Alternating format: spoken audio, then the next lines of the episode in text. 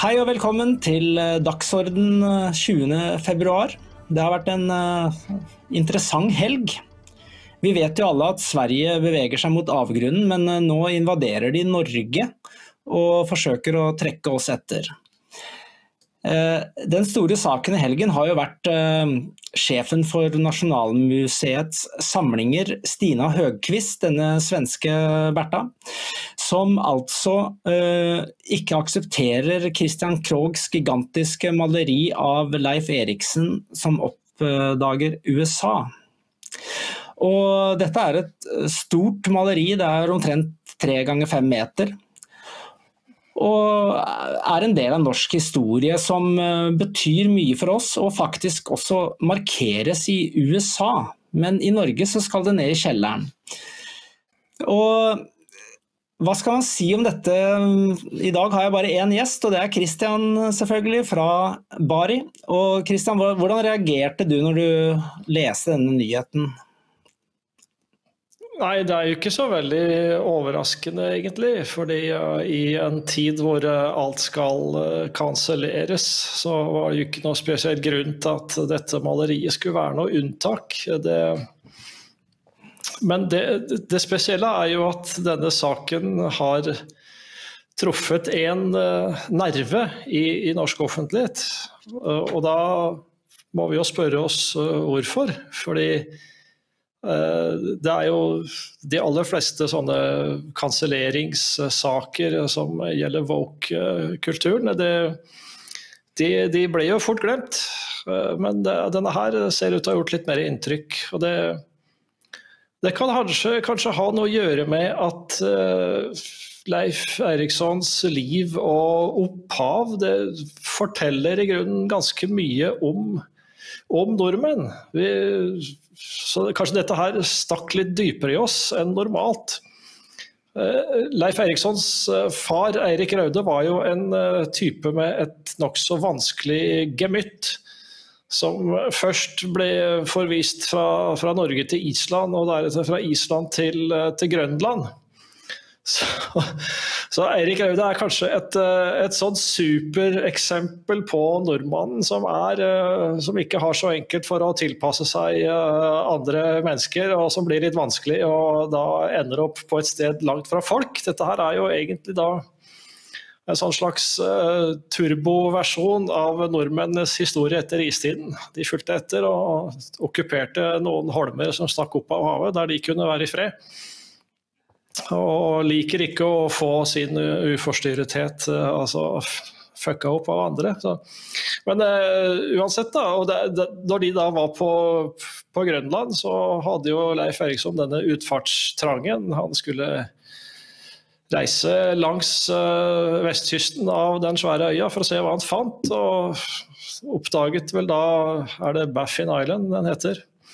Vi må vel si at dette maleriet heter eh, Leif Eriksson oppdager Amerika, da, Erling. Altså USA ble jo ikke en realitet før uh, flere hundre år etterpå. De, de, forente stater. Så det var jo da Men det er Dette er jo en, en viktig del av, av, norsk historie.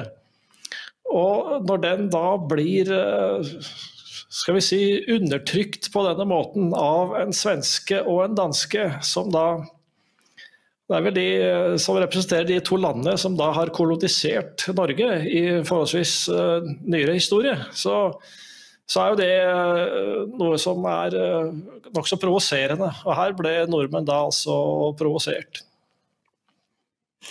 Ja, det er, eh, det er, riktig det med Amerika. Det står i teksten min også hvorfor jeg sa USA. Det, man blir jo litt ødelagt. Men, men, eh, det som er så utrolig interessant, da, det er at eh, denne Stina Høgquist hun, jo, hun, har jo tidligere vist seg som typisk svensk kvinne. ikke sant? Hun er jo med i alle de riktige Har de riktige holdningene og støtter glatt sånne marxistiske, rasistiske og voldelige organer som f.eks. Eh, Black Lives Matter. Og greier jaggu å eh, putte inn noe transideologi i bildet sitt òg, ved en annen ansatt ved Nasjonalmuseet. Altså Nasjonalmuseet, bare sånn at folk vet litt hva det er for noe. Så er det altså et norsk offentlig museum. Det er etablert i 2003, og det er en sammenslåing av eh, flere museer. Kunstindustrimuseet, Museet for samtidskunst, og Nasjonalgalleriet og Riksutstillinger. Og den, de åpna jo sin eh, nye bygning på Vestbanen i fjor, 2022. Vi har jo bilder fra utstillingen som vi kan vise nå, sånn at du vet hva du tilbys på Nasjonalmuseet. Jeg valgte bare ut de to øverste tingene jeg fant. Eh, dette er Carol Dunham som eh, har eh, utført sin fantastiske kunst. Og så skal vi se en kort video med den andre som heter Grayson Perry. Hello, I'm Grayson Perry. I'm an artist uh, and I'm from Britain. And I am at the National Museum here in Oslo for my exhibition, which is all around me, called fitting in and standing out. This work is all about identity, nationality, politics, sexuality, masculinity, tradition. So in this exhibition, there's probably about 40 pieces of my work. Many of the pieces I haven't seen for a long time, and I walk around and I think, oh my God, it feels like a Tutankhamun's tomb of my own life. It's like these are my grave goods. These are the memorial to the time I've spent on Earth. Now, this piece called Kinky Sex is from 1983 and it is the first piece of traditional ceramics I made. And the people thought that it was so badly made that it must be ironic. And actually, it was just that I not wasn't very good at making pottery.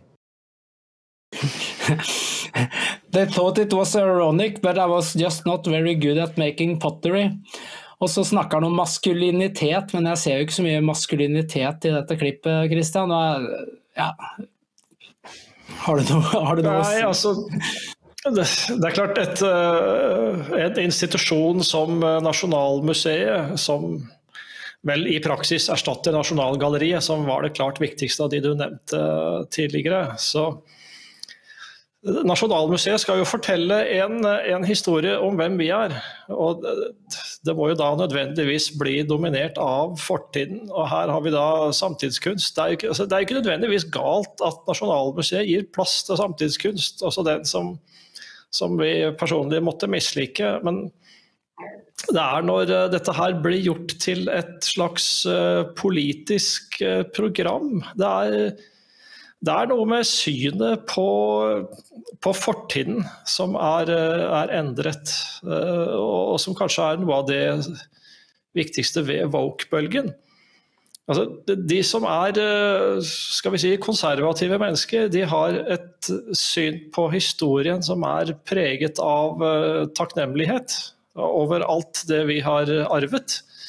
Altså, vi er vokst opp i et eh, land som eh, var ganske bra, som ga trygge rammer omkring våre liv. og når man da går i Nasjonalmuseet, så kan man eh, se kunstnere som har skildret hvordan det var å leve noen hundre år før oss. og det, det er jo da en, en, fortelling om mye slit og strev. ikke sant? Det er jo ikke bare de som strevde ute i den båten til Leif Eiriksson, men det er jo fiskere og bønder og alt mulig annet.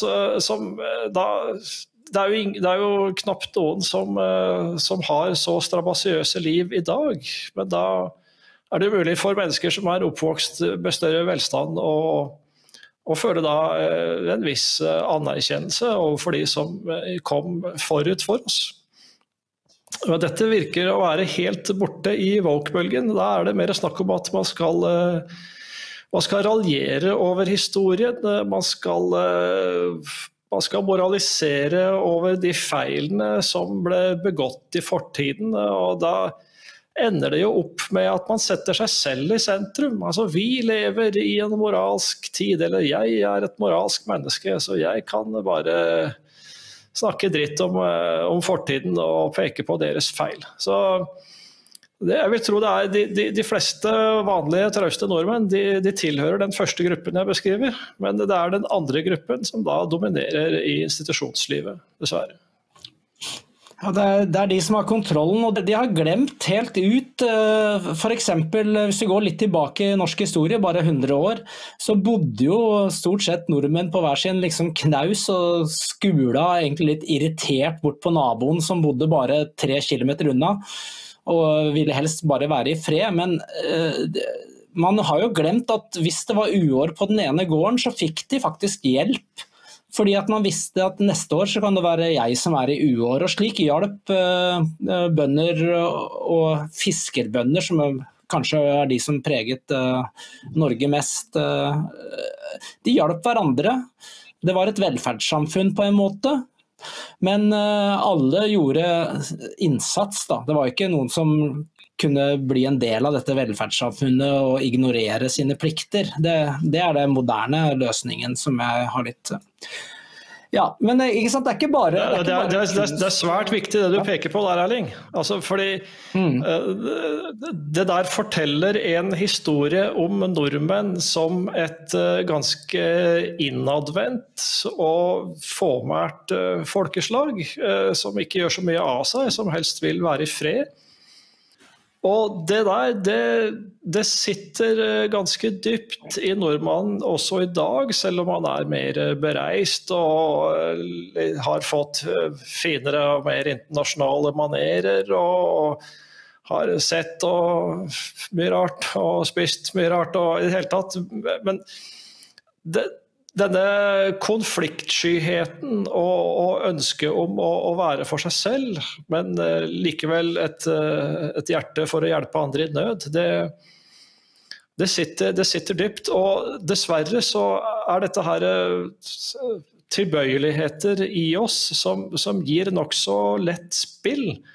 For de som ønsker å, å, rive ned, og de som ønsker å briske seg selv og fremheve seg selv på andres bekostning. Og det det er, det er, veldig synd, og det er, det er, ikke lett å se noe, noe forsvar mot det. Så, annet enn at når det da plutselig skjer et opprør som i den saken her, så, så blir det en sånn voldsom stemningsbølge. ikke sant? Hele er det liksom eh, oppmagasinert eh, sinne fra lang tids eh, fåmælthet og taushet som skal kompenseres for. og da, da får vi denne reaksjonen, har det blitt en nasjonal sak. ikke sant? Og, og museet har krøpet til korset og sagt at eh, nei, bildet skal tilbake igjen. og så det, det, det, denne, Hele denne saken forteller egentlig veldig mye om eh, Norge og vår sårbarhet. Ja, eh, jeg bare tenkte på at jeg leste en eh, sak på Facebook i dag. Det er en uh, historielærer i Oslo, en som er litt kjent egentlig, fordi han, han, fremstår som en meget dyktig historielærer. Han heter Ola Buksrud. Og han hadde tatt med elevene sine på historisk museum for at de skulle lære litt om historie. Der var det utstilling om samisk homofili i 2023. og Han sier han har ikke noe mot samisk homofili i 2023, men hva har dette på et historisk museum å gjøre? Og så, I tillegg så har de en svær plakat på det samme området, hvor man ramser opp om de, alle de homofile keiserne i romertiden. Og er, Han reagerer ganske kraftig, denne historielæreren, og jeg kan sitere han. Blant utstillinger om homofile samer i 2023 fant jeg også denne plakaten, som rett og slett er en fullstendig feil fremstilling av historien. Jeg har ingenting imot homofile samer i 2023, men klarer ikke helt å se hvorfor dette blir presentert av Historisk museum. Det er f.eks. utrolig merkelig hvordan de presenterer Julius Cæsar på denne måten, at han implisitt var homofil er det ingen på Det historiske museum som har hørt om Kleopatra? Og jeg må legge til et spørsmål til. Er det ingen på Historisk museum som vet at Julius Cæsar aldri var keiser? Ja, altså, keiser oppsto jo i hans arv. Nei, men det, man blir bare helt oppgitt. Det, det er en sånn generell eh, tilbøyelighet til ikke å være opptatt av det som er viktigst. Altså, det, dette her med historien om Leif Eriksson, det er jo også litt spesielt fordi det er jo en historie som inntil forholdsvis nylig ikke hadde noen særlig spredning eh, utenfor eh, Norge og Norden. Og, og til dels de områdene i Amerika hvor de gjorde strandhugg. Den, den, offisielle fortellingen i de fleste land er jo at det var Columbus som oppdaget Amerika. Og siden jeg bor i landet hvor han kom fra, så de gangene det liksom i selskapslivet har vært referert til Columbus som oppdager Amerika, så jeg har liksom aldri hatt for vane å trenge meg på å si at hør nå her, men av og til så er det andre som har vært til stede, som har eh, liksom spurt sånn vennlig Jo, men er det ikke egentlig sånn da at han egentlig var norsk, han som oppdaga Amerika, gjorde det 500 år før? Og så, og så, hender det da at jeg forteller denne historien til italienere. da. Noen vet det fra før, og andre vet det ikke fra før. men men det alle reagerer på, det er ja, hvorfor i all verden har ikke nordmenn skrytt like mye av dette her? Altså, det er jo egentlig en, en, en kjempesak. Det, og det her sier noe om nordmenns behov for å kommunisere.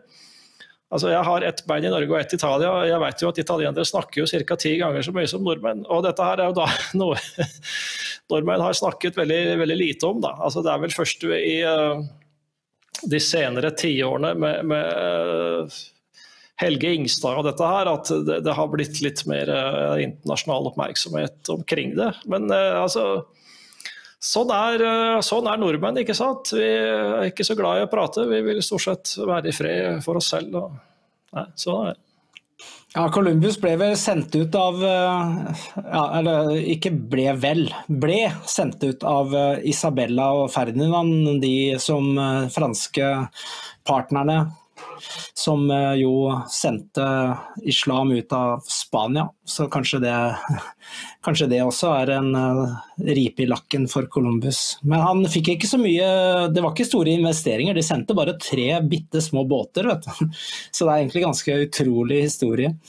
Columbus er en interessant person. Han kom vel fra Genoa, gjorde han ikke det, Christian? Stammet derfra? Ja, jeg er ikke helt sikker, så dere får bare Det vitser seg av og til om at han måtte reise ut av landet for å gjøre karriere, og at det er noe som må gjelde fremdeles. ja, så har, vi jo, så har vi jo også opplevd at vår eh, de, Han blir jo gjerne kalt norsk, da, men det er jo ikke helt riktig. Han sensureres jo nå fordi at uh, det påstås at det er så farlig for barn hvis de må høre ord som feit og stygg og slike ting. Og det, det, dette er jo så idiotisk, fordi jeg elsket jo Roald Dahl når jeg var barn, for, nettopp pga. hans makabre og nokså groteske språk. Og historien hans er jo Han har jo skrevet eh, noe for voksne også. Hvor jeg skrev en kommentar tidligere i dag hvor at uh, han bl.a. beskriver hvordan en kone som dreper eh, sin ektemann med en frossen lammesteik, steiker biffen og serverer det til etterforskerne som leiter etter drapsvåpenet. altså, den, den makabre innstillingen til Roald Dahl var jo hele poenget. Og nå er det liksom Nå skal man ikke hete feit, man skal hete enorm eller et eller annet sånt. Altså, da blir det mye bedre. Jeg tenker med en gang jeg leser dette her, at det her er jo ikke barna som skal beskyttes. Her er det jo voksne, forvirrede, gale mennesker som ikke tåler å lese en eh, roman som er skrevet for 40-50 år siden. Hva, hva, og jeg så jo at Sunak også ja. har vært ute og protestert.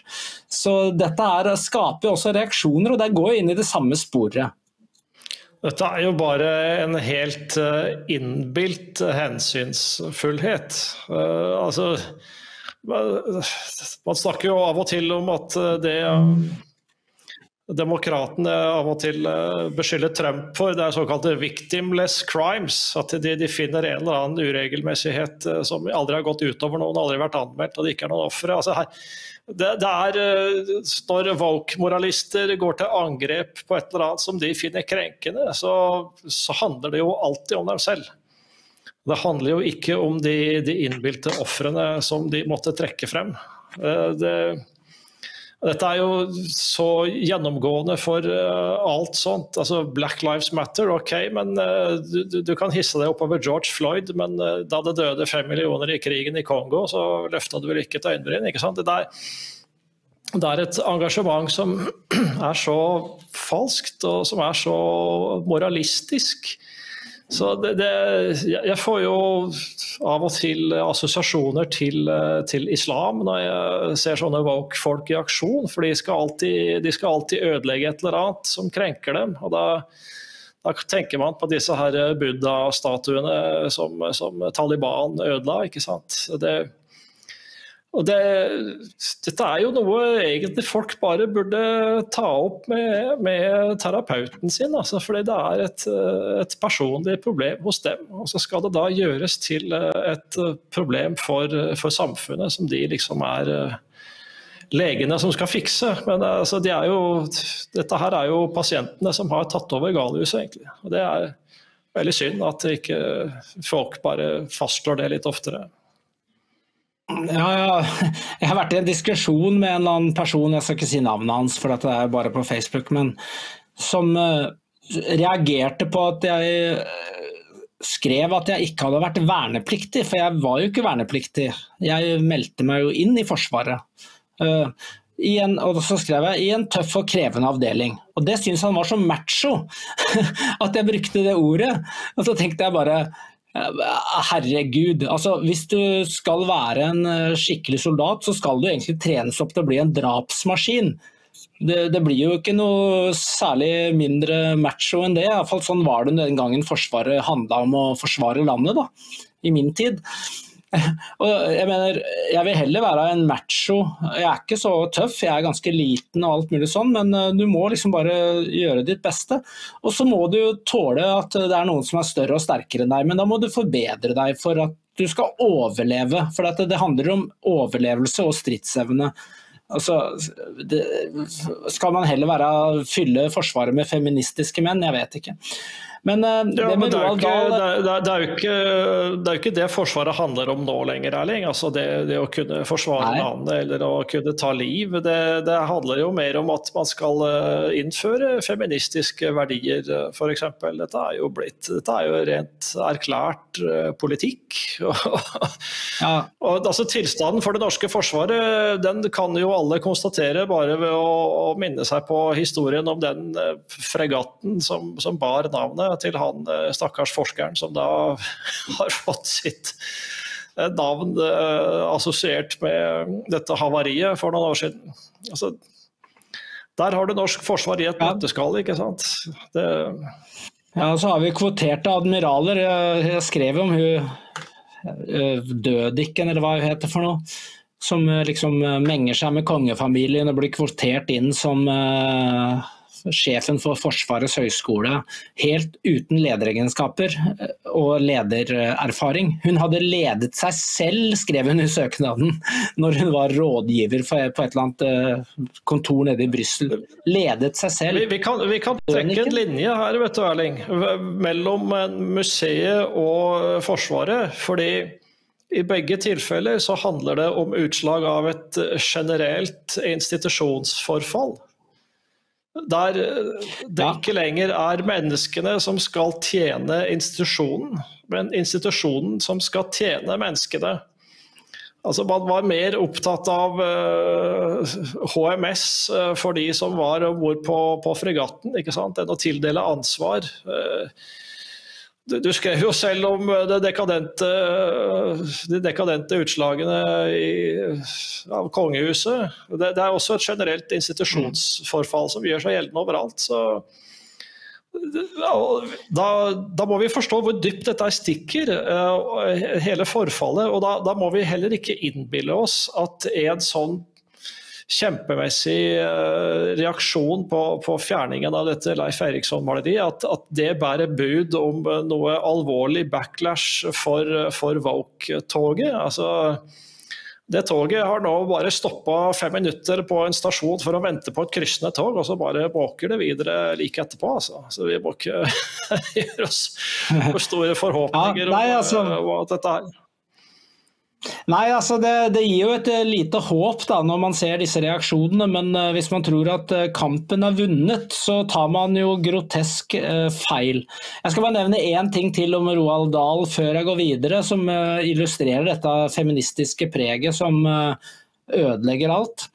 Der er det, altså han, han, beskriver altså noen hekser som har parykker, og da har de lagt inn en altså De har utvide teksten og si, hvor det står at et eller annet om at ja, det er mange kvinner som går med parykk, og det er helt normalt. Altså, det er jo ikke normalt å gå med parykk.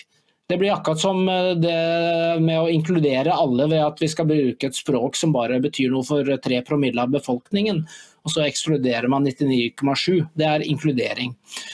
Så gå videre til uh, noe mer galskap. det blir litt sprø ting i dag, Kristian, men nå, det, nå, er det en artikkel som uh, vi ble gjort kjent med rett før uh, sending i The Times, hvor de har funnet løsningen på klimakrisen. Det kan jo bare late som det er andre verdenskrig og innføre rasjonering. Så skal, vi skal liksom tilbake til spam en gang i uka og alt dette her. og dette er jo eh, forskere ved Leeds eh, University, så vidt jeg har fått med meg. Og de, de, mener at eh, mennesker liker rasjonering. Det var veldig populært når det varte jo faktisk helt til 1954, altså etter andre verdenskrig. Men det var jo fordi at andre verdenskrig ruinerte jo Storbritannia. Og de har aldri kommet seg tilbake. Men nå skal vi ha en evigvarende klimakrise som eh, fører til evigvarende rasjonering, hvis man skal følge disse Jeg vet ikke om du har lest saken, Christian?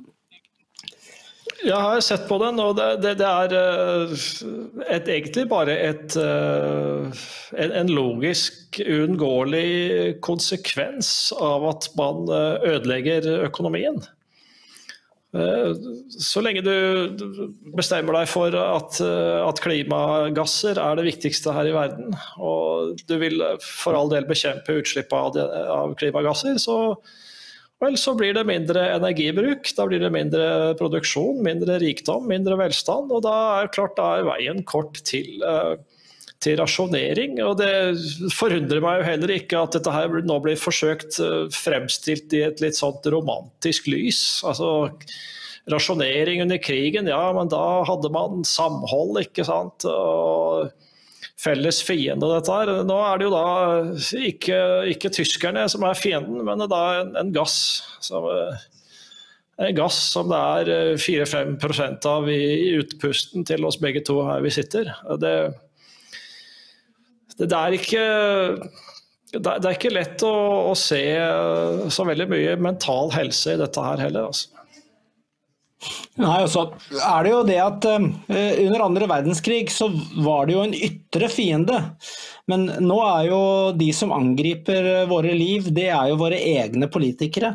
Så det, at man tror at dette her kan liksom eh, Det, det samholdet man opplevde under eh, f.eks. Storbritannia i andre verdenskrig, hvor pubene hadde liksom knuste vinduer av bomber og hang opp skilt uh, 'We're open still', ikke sant. Det var jo en helt annen mentalitet, og den eksisterer ikke lenger. Nå er det jo Det er jo bare å tenke på pandemien og nedstengningene da, fordi at det, det var risiko for at noen kunne bli smitta av et lite virus.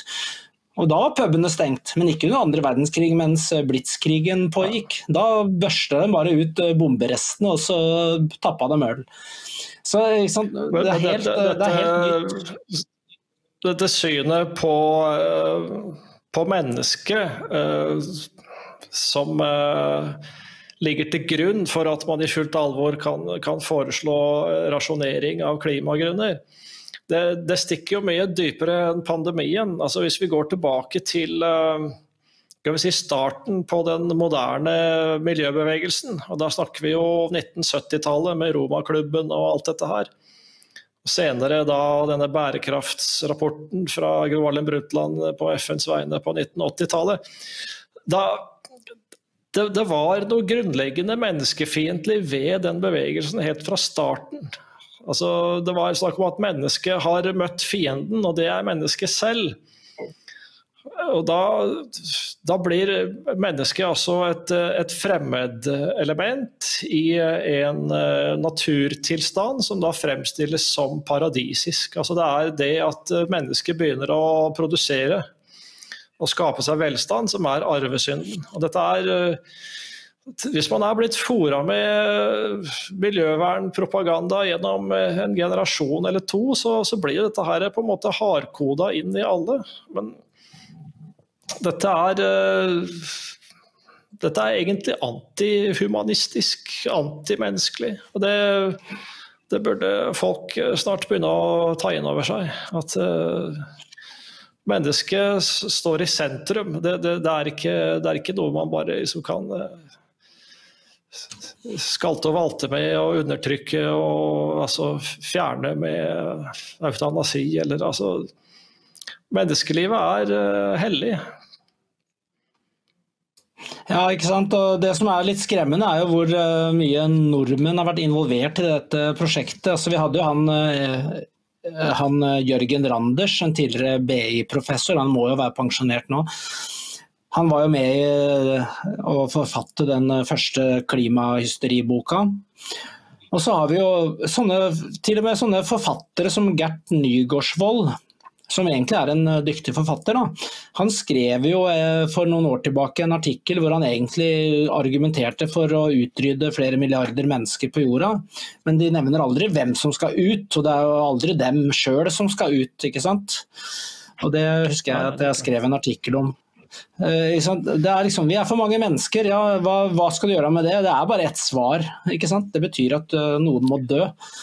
Og dette begynner nesten å bli legitimert ved enkelte ting vi ser. Og det er eh, ganske ille, fordi, mm, fordi det eh, Jeg har også lest en annen artikkel, jeg husker ikke hvem som skrev den. Han, han eh, snakka om all den bistanden til Afrika som førte til at f.eks. Niger har gått fra 10 millioner som et sultland til 100 millioner innbyggere i løpet av noen tiår fortsatt like mye sultne folk. Og han hadde regna ut mange som døde som følge av denne befolkningsveksten.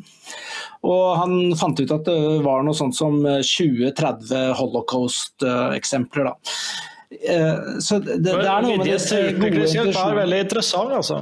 Fordi det, er, ja. det er misjonstrangen som gjør seg gjeldende på nytt her. Jeg vet ikke på 1970-tallet så samlet man inn penger til, til, misjonærer som skulle dra til India og andre steder. og det, det, er noe av det samme som gjør seg gjeldende nå, bare at nå er det ikke snakk om å redde fra sultedøden, men da skal man overbevise resten av verden om å bli klimavennlig. men Altså, mm. hvor, eh, hvor, store forhåpninger tror du du kan ha til at, at, India i dag skal kutte ut eh, fossile energikilder, der de har 1,5 milliard mennesker som eh, ønsker seg samme velstand som vi har? Altså, det, er, det er bare å glemme, men ja, Mitt anslag er 0% Det er 0% sjanse for at det skjer. Kjære se. Vi har lyst til å nevne noen ting. fordi at de som de hvis alle 5000 seerne som ser på, vippser 10 kroner, sikrer dere Dokk-TV-budsjettet i en halv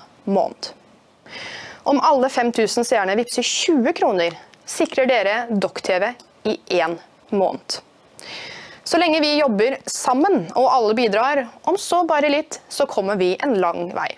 Det hviler på oss, altså på deg og meg, å sørge for at sannheten kommer fram og at Document bevarer sin rolle som det medier egentlig skal være, en vaktbikkje. Uten dere så klarer ikke vi det. Og uten oss så sitter dere igjen med medier som løper myndighetenes ærend. Vips til 638941. 638941. Fordi ditt bidrag gjør en enorm forskjell. Vi har lyst til å nevne noen ting. fordi at De som de som protesterer, altså vi f.eks. i Dokument og sånn, vi blir gjerne kalt høyreekstreme og alle mulige skjellsord eh, for å være uenig i utviklingen. Da. Men eh, har jo, vi har jo publisert eh, en bok av nå, jeg, har fått litt opplæring i hvordan jeg skal uttale navnet. Oriana Falaci fra Italia.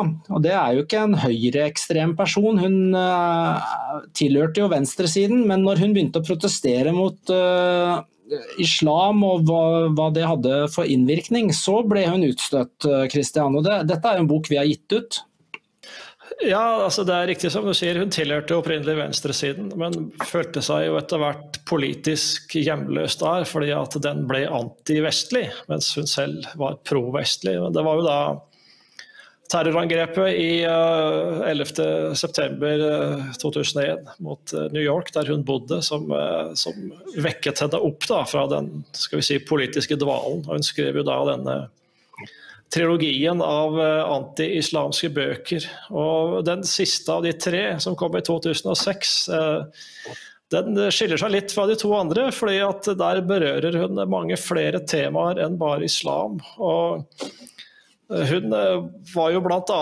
Eh, nokså tidlig ute med å advare mot eh, woke-bølgen i USA. Altså hun brukte ikke det navnet på den, men hun trakk frem flere fenomener som, som den gangen kanskje ikke virket så veldig viktige, men som i etterpåklokskapens lys fremstår som ganske profetiske observasjoner. Ja, og så uh, vil jeg nevne en ting til. fordi Vi snakket jo litt om kunst tidligere. Og jeg er ikke noe ekspert på kunst. Uh, jeg liksom er sånn gammeldags. Jeg liker liksom van Gogh og, og slike ting. Uh, men jeg har studert filosofi, og i filosofien så er det jo et fag som heter estetikk, som handler om skjønnhet. Og Vi er jo så heldige at vi har uh, tilknytning til uh, folk som kan noe om kunst. Paul Grøtvedt, og han kommer vel ut med en ny bok nå ganske snart, Christian? Ja, det er riktig. Han, i, i, neste måned så skal Dokument utgi en bok av Paul Grøtvedt. som har tittelen 'Hvor er det blitt av den sanselige skjønnheten i kunsten'? Og det, Dette griper jo eh, egentlig litt inn i det vi har snakket om. fordi eh, det som har skjedd med den moderne kunsten, er jo at eh, den på en måte har uttømt kunstbegrepet, fordi nesten alt kan anses som kunst. Selv om det ikke kreves nødvendigvis noen større håndverksmessige ferdigheter for å lage den, eller man ikke får ikke er i stand til å oppdage noen uh, kvaliteter ved, ved, den. Som uh, den kan lære oss noe, eller få oss til å synes at noe er vakkert. Eller, uh, og det, det, er jo på en måte et slags historisk oppgjør med dette her som Paul Grøtvedt tar i, i denne boken. Som oppfordrer alle dokumentlesere til å, å kjøpe. Og det, det, det som er spesielt, er at det har relevans langt utenfor kunstfeltet. Og det, det, kommer litt inn på det jeg nevnte i sted, at uh, når institusjonene er noe som uh, tjener menneskene og ikke motsatt, så, så, så, har det samme da begynt å gjelde kunsten. At uh, kunstneren kan, trenger ikke føle seg, seg forpliktet til å, å, gå inn i tjeneste for noe. Altså hvis vi tenker tilbake på den tiden da, da, Kirken bestilte mye kunst, så var jo mye kunst som, som uh, hadde til hensikt å lære folk bibelhistorie, f.eks. Eh, men uansett, kunsten har da uh, i, i, veldig lang tid tjent hensikter som å gi folk sanselige opplevelser, skjønnhetsopplevelser, lære dem noe, more dem osv. Og, og da da er kunstnerens berettigelse at eh, han skal gi noe til, til menneskene. I dag så, så, er det på en måte ingen forpliktelser fra kunstnerens side. Han kan bare ta en hvilken som helst uh, egotripp og gjøre noe ikke særlig vanskelig ut av den, og kalle det kunst. Og forlange respekt for det, og forlange at institusjonene skal se på dette her som verdifullt. og i det hele tatt så det, det, er da, Selv om boken handler om kunst, så har den implikasjoner langt utenfor kunstens verden. Ja, så uh, gjerne sjekk innom i, ut i mars en gang når boken kommer. Det blir meget interessant, og jeg har jo hatt samtaler med Grøtvedt om kunst og fikk meg en leksjon uten like da. Så han har jeg stor respekt for. Akkurat som vi er jo heldige, vi har jo ressurser f.eks. Eh, innen musikk, klassisk musikk, kunst osv.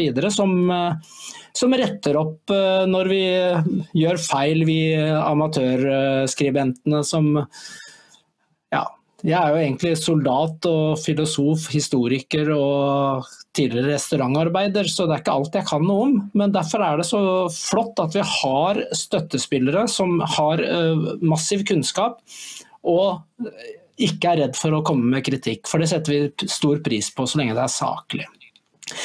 Jeg vil også nevne kort at uh, dokument, før vi avslutter, da, så vil jeg nevne at dokument nå vi, uh, vi, skal overvinne Norge, og så skal vi satse på win the world. Så vi er i ferd med å opprette en internasjonal side som vil da uh, ha engelsk som språk.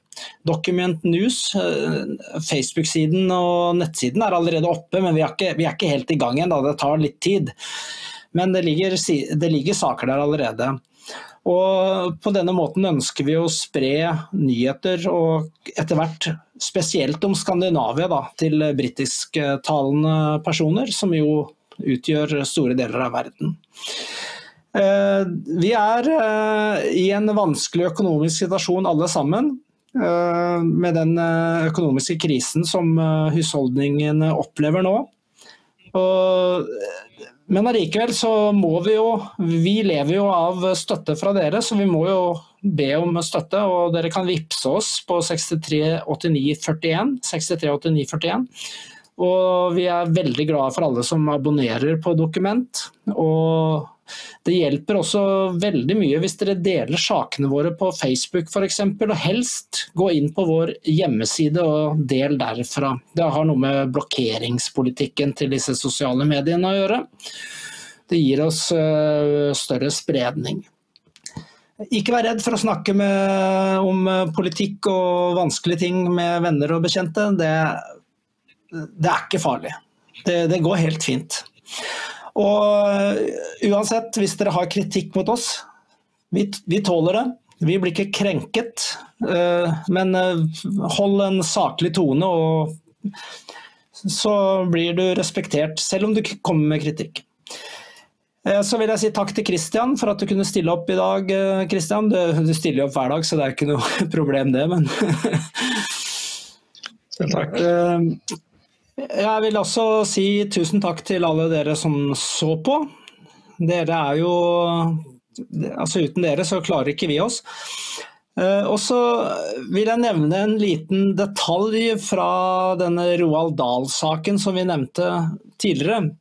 Der har de jo erklært at disse såkalte ompa-lompasene i Charlie og sjokoladefabrikken de er ikke nå lenger eh, menn. De er eh, ikke-binære eller kjønnsløse. Så vi skal avslutte dagens sending med et lite klipp derfra. A photo of Timothy Chalamet as Willy Wonka in an upcoming prequel to Charlie and the Chocolate Factory went viral this week, with many on social media calling him a twink Willy Wonka. Here to comment on this is a proud gay Oompa Loompa.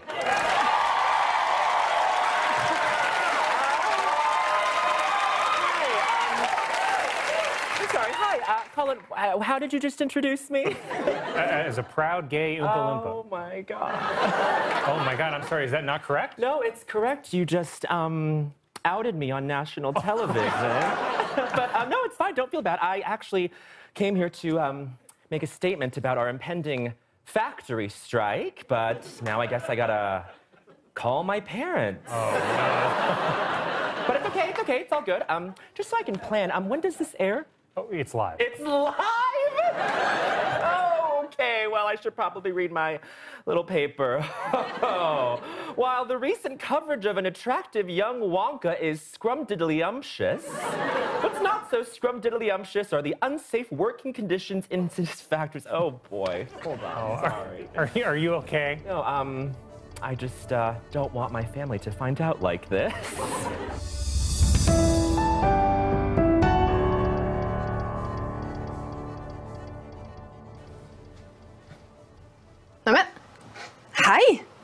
Har du også antistatlige holdninger?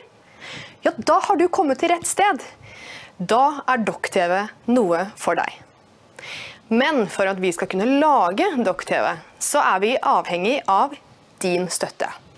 Vips et bidrag til 63 89 41. Takk. Husk å vips, ellers så kommer klimatrollet og tar deg, og jorden går under.